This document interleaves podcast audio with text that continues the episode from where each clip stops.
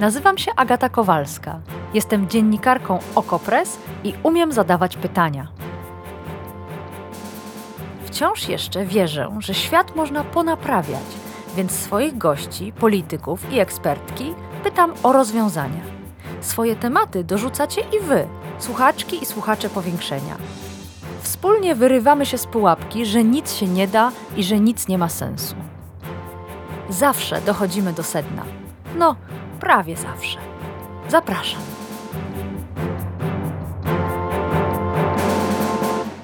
Dzisiaj w powiększeniu kupujemy mieszkanie razem z rządem. Spróbujemy skorzystać z zapowiadanego na lipiec programu Pierwsze Mieszkanie. Jak twierdzi frontman programu, czyli minister Waldemar Buda, program Pierwsze Mieszkanie będzie inny niż wszystkie poprzednie programy wsparcia kredytów hipotecznych. Waldemar Buda powiedział wręcz, że pierwsze mieszkanie będzie jak 500, plus, bez limitów, bez ograniczeń, dla wszystkich. Wątpicie? Nie tylko wy. Ale dzisiaj w powiększeniu zrobię wszystko, byśmy to wymarzone mieszkanie kupili. Utrudniać będzie ekspert, ekonomista, fachowiec od rynku mieszkaniowego, dr Adam Czerniak. Zapraszam. I witam naszego burzyciela dziecięcych uśmiechów, czyli doktora Adama Czerniaka ze Szkoły Głównej Handlowej, publicystę w polityce Insight. Dzień dobry, witamy w powiększeniu. Dzień dobry. Po, po, takim wprowadzeniu to ja nie wiem, czy będę mógł coś dalej powiedzieć, ale witam serdecznie wszystkich. Postaram się powiedzieć też coś optymistycznego. O, dobrze. Po drodze. Zapamiętam to choćby na koniec. Będziemy tego pilnować, ale rzeczywiście ustawiałam pana w takiej roli, dlatego że regularnie udziela pan wywiadów Okopres i ostatnio w grudniu rozmawiał pan z redaktorem Antonem Ambroziakiem i wspólnie, e, ręka w rękę, krytykowaliście rządowy program Pierwsze Mieszkanie ogłoszony przez Waldemara Budę, ministra rozwoju.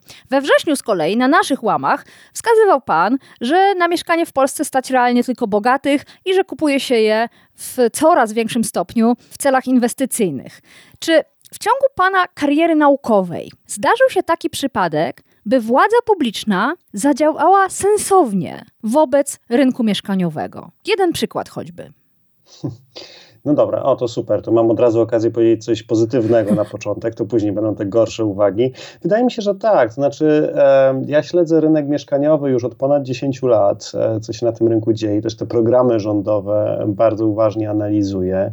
Ze starszych programów rządowych to, to program, który zawsze budzi we mnie ciepłe uczucia, to jest program TBS-ów, e, który został wprowadzony jeszcze na początku lat 2000, później został pod koniec lat tej pierwszej dekady wygaszony ze względu na konieczność mm, oszczędności budżetowych, ale ten program się sprawdził faktycznie wiele osób mogło uzyskać mieszkanie w tej formule mieszkanie tanie i odpowiadające e, ich potrzebom, zwłaszcza w mniejszych małych miastach, gdzie jeszcze ten 10 lat temu deweloperzy w ogóle nie zaglądali, a mm. mali mm. prywatni inwestorzy nic, e, nic nie budowali. A ziemia nie? też była tańsza, łatwiej było tym samorządom budować.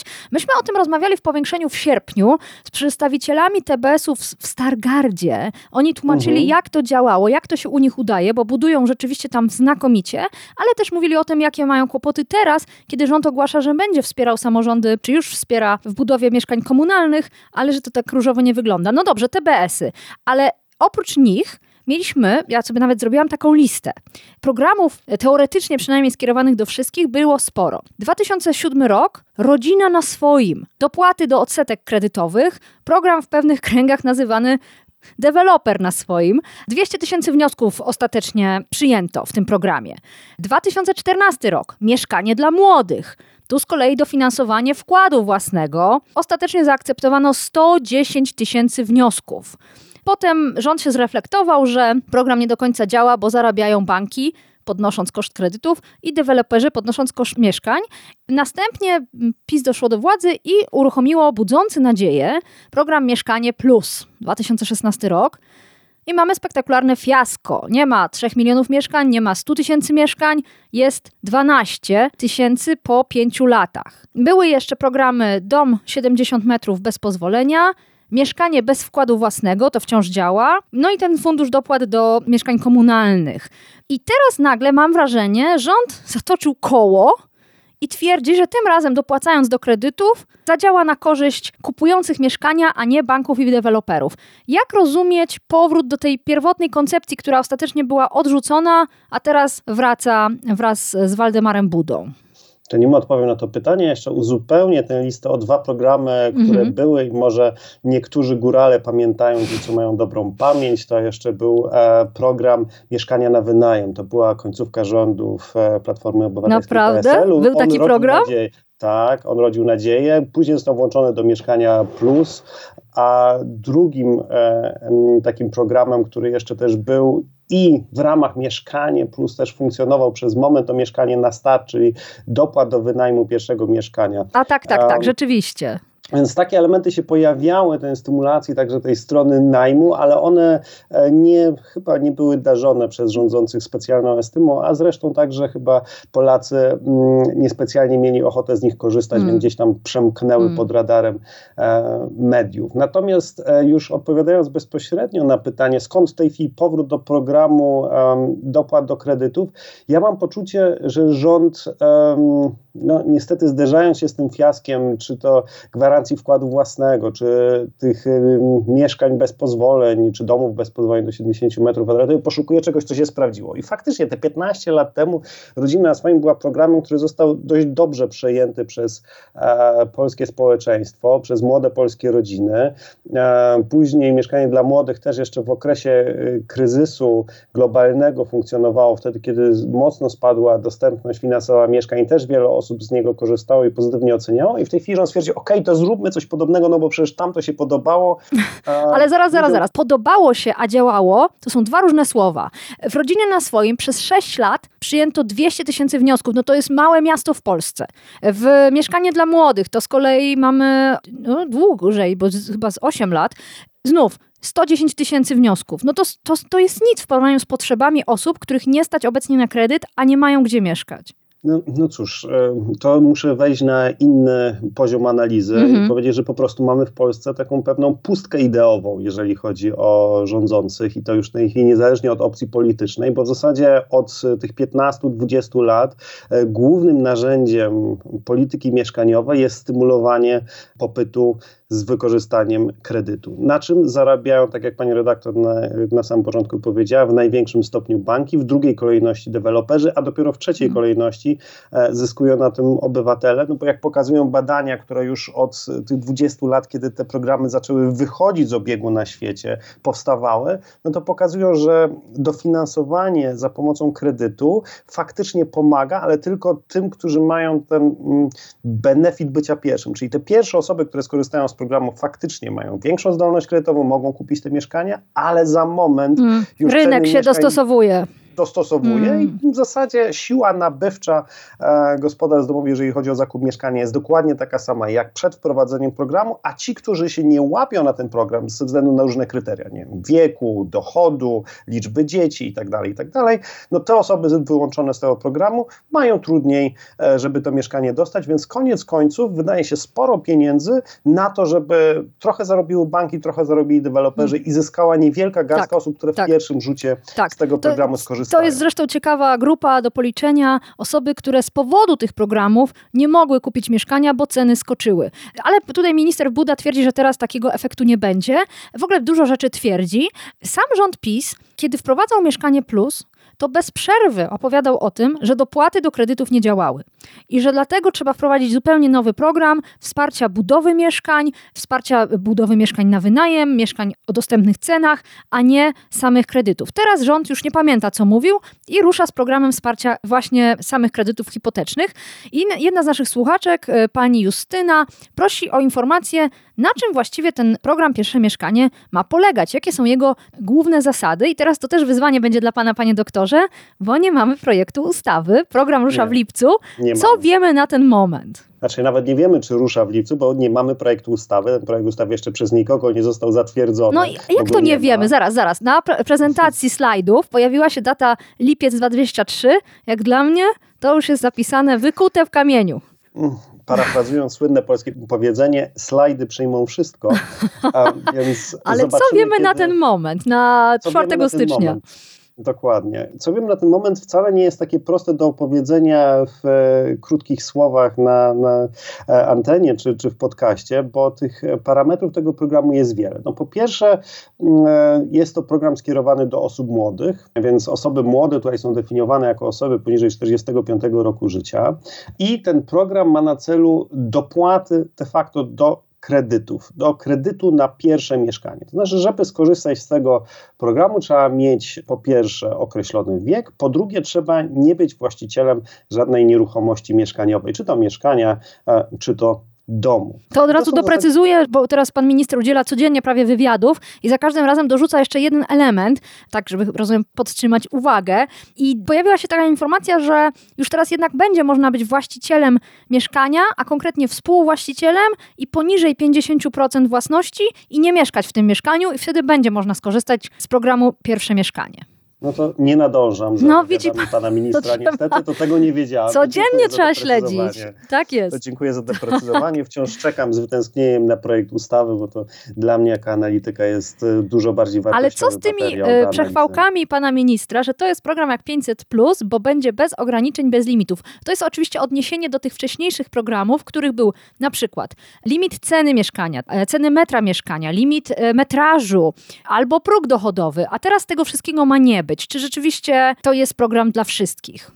Teoretycznie tak, bo ministerstwo akurat e, żadnych e, tutaj dodatkowych ograniczeń, przynajmniej z tego co ja wiem i z tych wywiadów, które ja czytałem z ministrem Budą, to nie wynika, nie zamierza wprowadzać. Problem w tym, że ograniczenia dotyczące dostępności e, kredytów wprowadzają banki, a przede wszystkim wprowadza Komisja Nadzoru Finansowego, ustalając regulacje dotyczące tego, komu wolno, a komu nie wolno udzielać e, kredytów w naszym kraju. Przede wszystkim z perspektywy bezpieczeństwa mm -hmm. sektora finansowego, znaczy, chodzi... żeby nie powtórzył się mm -hmm. kryzys taki, jak miał miejsce tak. w 2008-2009 Czyli chodzi o zarobki tej osoby i trwałość zatrudnienia głównie. Dokładnie tak. Mhm. Chodzi o to, żeby kwota raty kredytu nie przekraczała 50% dochodów rozporządzania, czyli już po potrąceniu wszystkich podatków kredytobiorcy. Czy ten kredytobiorcą jest osoba będąca singlem lub singielką, czy to jest gospodarstwo domowe złożone e, z większej liczby osób, to już mniej tutaj urząd e, mhm. precyzuje, to już precyzują wewnętrzne regulacje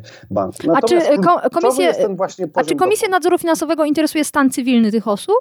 Nie. Aha, nie to dobrze, to zapamiętajmy to, bo to akurat dla rządu PiS jest bardzo ważne. Czyli teraz ma być tak, że rząd przez 10 lat w ramach programu Pierwsze Mieszkanie będzie wspierał nasze kredyty w ten sposób, że one będą oprocentowane na 2%. Resztę dopłaca rząd. Tu wejdę w słowo, mm. nie będą oprocentowane na 2%, tylko będą oprocentowane na 2% plus marża banku. Więc to warto o tym mhm. pamiętać, że te kredyty w ramach pierwszego mieszkania nie są kredyty na 2%, tylko na 2% plus marża banku, przy czym właśnie ta kwestia wyliczenia marży banku jest czymś, co mnie najbardziej ciekawi, jak mhm. ona zostanie rozwiązana w projekcie ustawy. Bo w przypadku kredytów na tak zwaną zmienną stopę, czyli kredytów, które są e, oprocentowane obecnie WIBOR, czy to 3-miesięczny, czy 6-miesięczny, plus marża banku. Ta marża banku jest jasno określona w umowie kredytowej.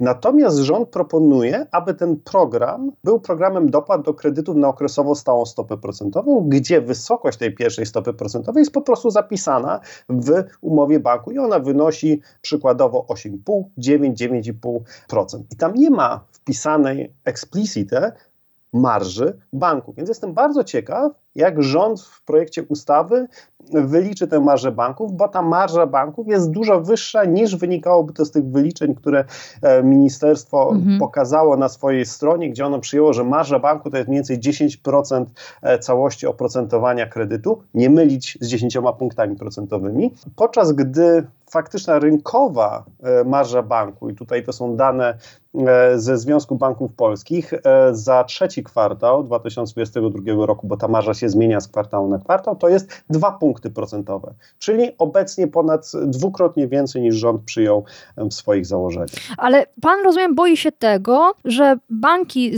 zresztą już wiemy, że banki są przeszczęśliwe, że ten program ma ruszyć i banki będą po prostu tę marżę podnosić, wiedząc, że klient i tak dostaje wsparcie, więc można zarobić trochę więcej. To jest Pana obawa?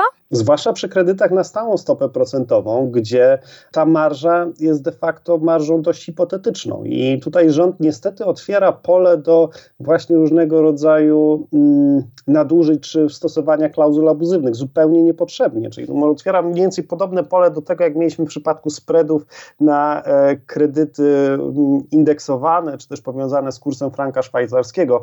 Te, kwestia spreadów roz, rozpoczęła cały proces właśnie zaskarżania banków o abuzywność tych umów kredytowych i tutaj może być podobnie, bo jeżeli mamy kredyt na stałą stopę procentową, jest ta stopa procentowa podana i nie ma tam nigdzie wpisanej marży banków, a rząd wymaga w tej chwili od banku, żeby podał tę marżę, no to bank może sobie tą marżą dosyć dowolnie decyzją zarządu żonglować, a to wiemy, że już w polskich sądach nie jest e, specjalnie mile widziane. No tak, ale jako biorący kredyt nie chcemy myśleć o tym, że za chwilę pójdziemy do sądu. Chcemy mieć pewność, że ten kredyt jest korzystny.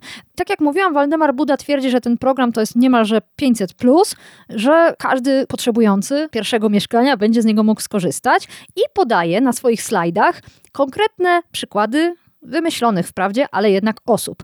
Pierwsza z nich to pan Karol, pracownik sklepu, który chce wziąć kredyt na 300 tysięcy na 25 lat i według ministerstwa pierwsza rata, jaką zapłaci pan Karol, to będzie 1700 zł, a po 10 latach, kiedy ta dotacja rządowa się skończy, rata wyniesie 1800 zł. Ministerstwo nie podaje, ile zarabia pan Karol, ani gdzie mieszka, ale przyjrzyjmy się temu. Co pan na to?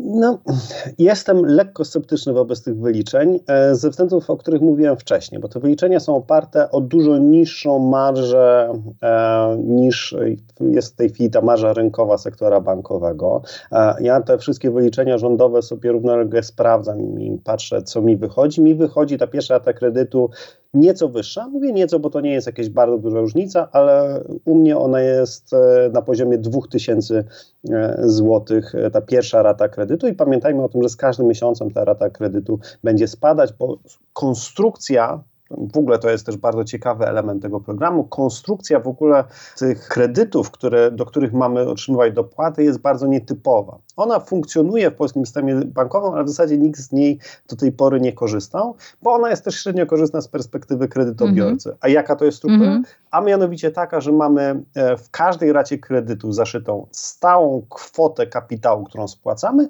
plus malującą kwotę odsetek. Co to oznacza? Oznacza to, że pierwsza rata kredytu, którą płacimy, jest zawsze ratą najwyższą. Czyli, no, mamy czyli, najwyższe odsetki, żebyśmy, które płacimy i te odsetki maleją mm, z czasem. Czyli żebyśmy wszyscy nadążali w odróżnieniu od powszechnych w Polsce kredytów, których najpierw spłaca się odsetki, tutaj spłacamy od razu też kwotę samego kredytu. I w związku z tym mówi pan, rata będzie wysoka, ale rząd zapewnia, że ta rata będzie oprocentowana na 2% plus marża. A pan mówi, te pierwsze raty będą wysokie. One będą wysokie, bo to 2% będzie od dużo większej kwoty, tak? Mhm. Tak, bo będziemy spłacać od razu całość odsetek, które musimy w tym pierwszym okresie rozliczeniowym um, spłacić. Kwestia jest tylko wysokości, bo pytanie, co oznacza wysokie. Ja mówię, że pierwsza rata będzie najwyższa z wszystkich rat, które zapłacimy, przynajmniej do momentu wygaśnięcia dopłaty od państwa, ale ona przynajmniej w tym przy, przykładzie, który pani redaktor przywoła, będzie wynosić 2000 zł. Czy to jest wysoka rata, czy niska, to już pozostawiam do oceny słuchaczom. Mm -hmm, no nie wiemy, ile pracownik sklepu pan Karol zarabia, więc... E, Ale nie... za to ja mogę powiedzieć, ile powinien zarabiać, żeby taki ile? kredyt otrzymać. Mhm. Tutaj jeszcze jest e, pewna niepewność, jak KNF będzie traktował te dopłaty, jak banki będą traktowały te dopłaty, czy one będą mogły wejść do dochodu kredytobiorcy, ale przy takim bardzo optymistycznych założeniach e, pan tutaj będzie musiał zarabiać co najmniej pomiędzy 6 a 7 tysięcy złotych na rękę, pracując w tym sklepie, co wydaje mi się, przynajmniej patrząc na średnie wynagrodzenie w branży handlowej w Polsce, no mało realistyczne. Mało. No może kierownik sklepu, tu mamy pracownika sklepu. Próbujmy dalej. Pani Magdalena, pielęgniarka, z kolei chce wziąć kredyt na 250 tysięcy, no to raczej nie mieszka w Warszawie, na 20 lat. Według rządu jej rata wyniesie 1600 zł, a po 10 latach będzie jeszcze niższa. 1540 zł. Mówię o tym, że pani Magdalena chyba nie mieszka w Warszawie, bo 250 tysięcy na mieszkanie e, tutaj u nas e, w stolicy to jest rzeczywiście za mało, ale rząd twierdzi, że ten kredyt można powiększyć o wkład własny. Tak, no, no i resort zapewnia nas, że będzie można łączyć ten nowy program z tym już e, obowiązującym programem, z którego prawie nikt nie korzysta, czyli programem e, kredyt bez wkładu własnego. Przy czym problem z kredytem bez wkładu własnego e, jest taki, że na ten wkład własny e, my dostajemy tylko gwarancję ze strony BGK, a nie dostajemy dodatkowych pieniędzy, co oznacza, że musimy zaciągnąć wyższą kwotę kredytu, a wyższa kwota kredytu oznacza, że będziemy musieli opłacić wyższe raty, a wyższe raty oznaczają, że musimy mieć wyższy dochód. Więc tutaj następuje pewna wymienność. Jeżeli chcemy zaciągnąć kredyt bez wkładu własnego, bo nie mamy na wkład własny, to musimy dysponować dużo większymi dochodami miesięcznymi, a jak e, pokazują dane ekonomiczne, no wysokość dochodów jest bardzo silnie skorelowana z wysokością zgromadzonych e, przez gospodarstwa domowe oszczędności. Te, które mają wyższe dochody, mają wyższe oszczędności, a te, które nie mają oszczędności, czyli nie mają środków na wkład własny, często mają też niższe dochody, więc e, tutaj to ułatwienie mm, ze strony rządu jest, no bym powiedział, czysto papierowe, bo te gospodarstwa domowe, ci Polacy, te Polki, które nie mają e, zgromadzonej oszczędności, pewnie nie mają też wystarczających dochodów na to, żeby móc skorzystać z tego programu Pierwsze Mieszkanie w połączeniu, w takiej kombinacji z mieszkaniem bez wkładu własnego, bo tamte dochody to muszą na gospodarstwo domowe już przekraczać pewnie co najmniej 10-12 tysięcy złotych już po potrąceniu wszystkich podatków. No, tutaj trudno właściwie powiedzieć, co mówi pan minister Buda, bo on z jednej strony zakrzyknął mieszkanie prawem, nie towarem i tym samym uzasadnia ten nowy program dotacji rządowych, ale z drugiej strony tłumaczy, że nie można pozwolić na to, żeby osoby, których nie stać na mieszkanie, to mieszkanie kupiły. Czyli innymi słowy, to jest program dla osób zamożniejszych, one po prostu dostaną wsparcie. I zastanawiam się, co pan na to, bo może to nie jest taki głupi pomysł. Chcemy, żeby ludzie e, kupowali mieszkania, a właściwie nawet nie kupowali, tylko przede wszystkim, żeby mieli gdzie mieszkać, żeby mieli gdzie na przykład poszerzać rodzinę, a rząd im tutaj będzie asystował głupotę czy sensowność jakiegoś pomysłu możemy tylko analizować z perspektywy celów, jakie chcemy osiągnąć. Jeżeli celem resortu jest e, ożywienie popytu na mieszkania, zwłaszcza te mieszkania na rynku prywatnym budowane przez deweloperów, gdzie ten popyt się w ostatnich kwartałach załamał. Jeżeli jest e, to jest celem zwiększenie liczby kredytów udzielonych przez banki, po to, żeby banki miały więcej dochodu i mogły płacić na przykład wyższe podatki e, do kasy państwa, no to z perspektywy tego celu E, ten program mieszkaniowy jest jak najbardziej sensowny. Jeżeli celem jest zwiększenie możliwości zakupu mieszkania przez osoby o wyższych dochodach, to ten program również nie jest programem głupim, tylko jest y, programem sensownym. Pytanie, czy takie powinny być cele prowadzenia polityki mm. mieszkaniowej?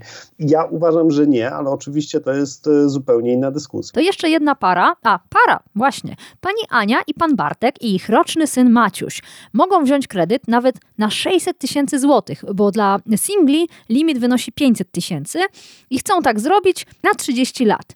I ich pierwsza rata ma wynieść 2800, a potem 3100. Podkreślany jest ten syn Maciuś, dlatego że gdyby pani Ania i pan Bartek, jak to się mówi, żyli w grzechu, bez ślubu i nie mieli dziecka, to nie załapią się na ten program jako para. E, jeśli są małżeństwem, nie mają dzieci, to mogą skorzystać. Jeśli nie są małżeństwem, ale mają dziecko, mogą skorzystać, ale jak mamy parę, która e, żyje na kocioł łapę, no to po prostu tego wsparcia nie dostanie. Co mnie trochę dziwi, bo ze wszystkich badań socjologicznych wynika jasno, że Polki i Polacy chcą się decydować na dzieci dopiero gdy mają zapewnione mieszkanie, a nie ryzykować, że dziecko się urodzi, a oni wciąż będą cisnąć się gdzieś kątem. E, więc jak rozumieć połączenie polityki mieszkaniowej z polityką chyba z ideologiczną polityką, bo nie wiem jak nawet to nazwać, a może to ma znaczenie, bo w tych wcześniejszych programach też ten temat małżeństwa się pojawiał. Tu jestem bardzo ciekawy, jak e, rząd to rozwiąże już na poziomie prawa, bo, bo to jest bardzo trudne do wprowadzenia w takim, w takim zakresie. To znaczy, a jeżeli to jest jakaś para, która ma dziecko, ale mieszka osobno, a pytanie, jaki jest status własności mieszkania, które wynajmują, czy w którym mieszkają, jeżeli to jest własność jednej z tych osób, no to czy wtedy takiej parze będzie przysługiwać ta dopłata? No bo przecież jako para już mają jedną nieruchomość mieszkaniową, a będzie wnioskować ta druga osoba i może udawać samodzielnie samotną matkę. No, będzie tutaj bardzo duża luka stworzona przez rząd. Jestem bardzo ciekaw, jak zostanie to koniec końców rozwiązane. Natomiast lekko uniknąłem odpowiedzi na to pytanie, dlatego że ja szczerze mówiąc nie mam dobrej odpowiedzi. To znaczy, ja jestem analitykiem rynku mieszkaniowego i tutaj polityka społeczna, a przed, mm. nawet bardziej polityka kulturowa rządu tak. jest czymś, z czym mogę się, o czym mogę się wypowiadać jako obywatel, ale już nie zupełnie nie jako ekspert, więc, więc celowo bym chciał zostać przy tych kwestiach prawnych i, i rynku mieszkaniowego. To ja tylko dodam ze swojej własnej perspektywy, że też mnie bardzo ciekawi, jak to zostanie zapisane w ustawie, bo przecież mamy pary, w których opiekunem prawnym dziecka jest tylko jedna osoba to wtedy czy ta para będzie mogła e, skorzystać z dopłat? To wszystko e, zostawiam pod znakiem zapytania, obawiając się, że ideologia przeważy nad rozsądkiem. Przejdźmy dalej. To, o czym mówił pan minister, chwaląc się, to akurat na łamach Super Expressu, że nie będzie limitu ceny metra kwadratowego, nie będzie limitu metrażu i nie będzie limitu progu dochodowego. Jak to może wpłynąć i czy w ogóle na rynek mieszkaniowy? Już trochę o tym pan mówił. Pan minister powiedział, że w przeszłości były takie programy z limitami, limitami ceny metra kwadratowego i doprowadziły do sytuacji, że te programy nie działały. Czy rzeczywiście tu tkwił problem? Ja nie sądzę, że tutaj tkwił problem. Oczywiście, jak każdy program, e, taki ten ma swoje ograniczenia. W innych programach były limity dochodowe maksymalne albo maksymalne limity cen. Tutaj, ze względu na konstrukcję tego programu, będziemy mieć limit minimalnego dochodu potrzebnego do skorzystania z tego programu. Ten będzie wyznaczany przez sektor bankowy w oparciu o wytyczne Komisji Nadzoru a, Finansowego. A, a to jest bardzo ważny moment. Czyli to nie rząd powie, wy Polacy możecie, wy Polacy nie możecie, tylko każda z osób starających się o ten kredyt dowie się tego dopiero przy okienku bankowym, czyli rząd nie bierze na siebie odpowiedzialności za to, że jednak nie każdy będzie mógł skorzystać z tego programu. To jest uwaga oczywiście polityczna, a nie ekonomiczna, ale do, dążę do tego, żeby pokazać, że ten program przede wszystkim ma cele wyborcze. No więc jak z tym limitem ceny metra kwadratowego? Jak on może wpłynąć na rynek? Brak e, limitu ceny metra kwadratowego, i to jest chyba nawet dobra informacja, nie powinien specjalnie oddziaływać na rynek poza tym jego struktury, bo pamiętamy, że jak e, były programy takie jak Rodzina na swoim, to część deweloperów ustawiała ceny metra kwadratowego tak. pod, tuż pod, pod limit. Tak. Więc te najtańsze mieszkania drożały, a niektóre droższe mieszkania lekko taniały po to, żeby się pod ten limit załapać. Więc tutaj tego efektu nie będzie, natomiast oczywiście jeżeli z tego programu skorzysta dostatecznie duża grupa osób, przy czym dostatecznie duża grupa to myślę o tych wszystkich osobach, które są zapisane w tym programie, czyli 40 tysięcy osób rocznie, no to wtedy ten program będzie miał charakter propopytowy, a jak wynika z prostej analizy ekonomicznej, wzrost popytu przy ograniczonej podaży, a teraz wiemy, że podaż jest bardzo mocno ograniczona, wszyscy deweloperzy mocno chcieli inwestycje mieszkaniowe, no to przy takiej ograniczonej podaży doprowadzi do wzrostu cen. Natomiast, e, żeby tym z Państwa, którzy się na ten program nie łapią, dostarczyć optymistycznych e, informacji, to powiem, że ja nie spodziewam się, żeby tutaj tak dużo osób e, skorzystało z tego programu, jak zapowiada rząd, bo właśnie te limity minimalnego dochodu, które będą obliczane przez banki, spowodują, że niewiele osób, które nie mają mieszkania, które spełniają kryterium wiekowe, będą mogły się e, na ten program załapać. Ja powiedziałam, że moim zdaniem cele tego programu są przede wszystkim wyborcze, i wydaje się, że sam rząd nawet tego głęboko nie ukrywa. Pytany o to, kiedy ten program wejdzie w życie, yy, mówi o lipcu, potem pojawia się informacja wrzesień, a potem wręcz taka data byle przed wyborami. Więc przynajmniej mamy jasność. Inna jeszcze kwestia, wracam do tego cytatu mm, z ministra Budy, który powiedział: Mieszkanie prawem, nie towarem, i odpowiada mu słuchacz, słuchacz powiększenia, takimi oto słowy. Dopóki rządy będą robić z mieszkań inwestycyjne skarbonki, to problem z dostępnością mieszkań będzie stały. Co ma na myśli słuchacz? Dlaczego zarzuca rządowi, że robi z mieszkań inwestycyjne skarbonki? I czy tym samym sugeruje, że z programu mogą skorzystać przede wszystkim ci, którzy mieszkania traktują jako źródło zarobku? No ja dałem słuchaczowi serduszko za ten komentarz na Twitterze, bo, bo faktycznie moje serduszko koresponduje z tym, e, co, co ten słuchacz e, mówi. Znaczy, rozumiem jego argumentację. Może nie był aż tak rygorystyczny w jej postawieniu, natomiast ten program faktycznie to jest coś, czego się obawiam i nie jestem, e, nie jestem tego pewien, ale obawiam się, że on zostanie wykorzystany przez część Polaków do tego, żeby skorzystać z tych dopłat od państwa i kupić za to mieszkanie na cele inwestycyjne. Czyli przykładowo, jak w jakiejś rodzinie jest dziecko, które jeszcze nie ma mieszkania, które się łapie na kryterium wiekowe, to takie dziecko mogłoby taki kredyt zaciągnąć, kupić to mieszkanie, i tak mieszkać w mieszkaniu na przykład, które jest własnością rodziców. Ale jak, jak zaraz, zaraz, jak zaciągnie kredyt, jaki bank mu da kredyt, jeśli jest to dopiero młody człowiek, pewnie bez zdolności kredytowej?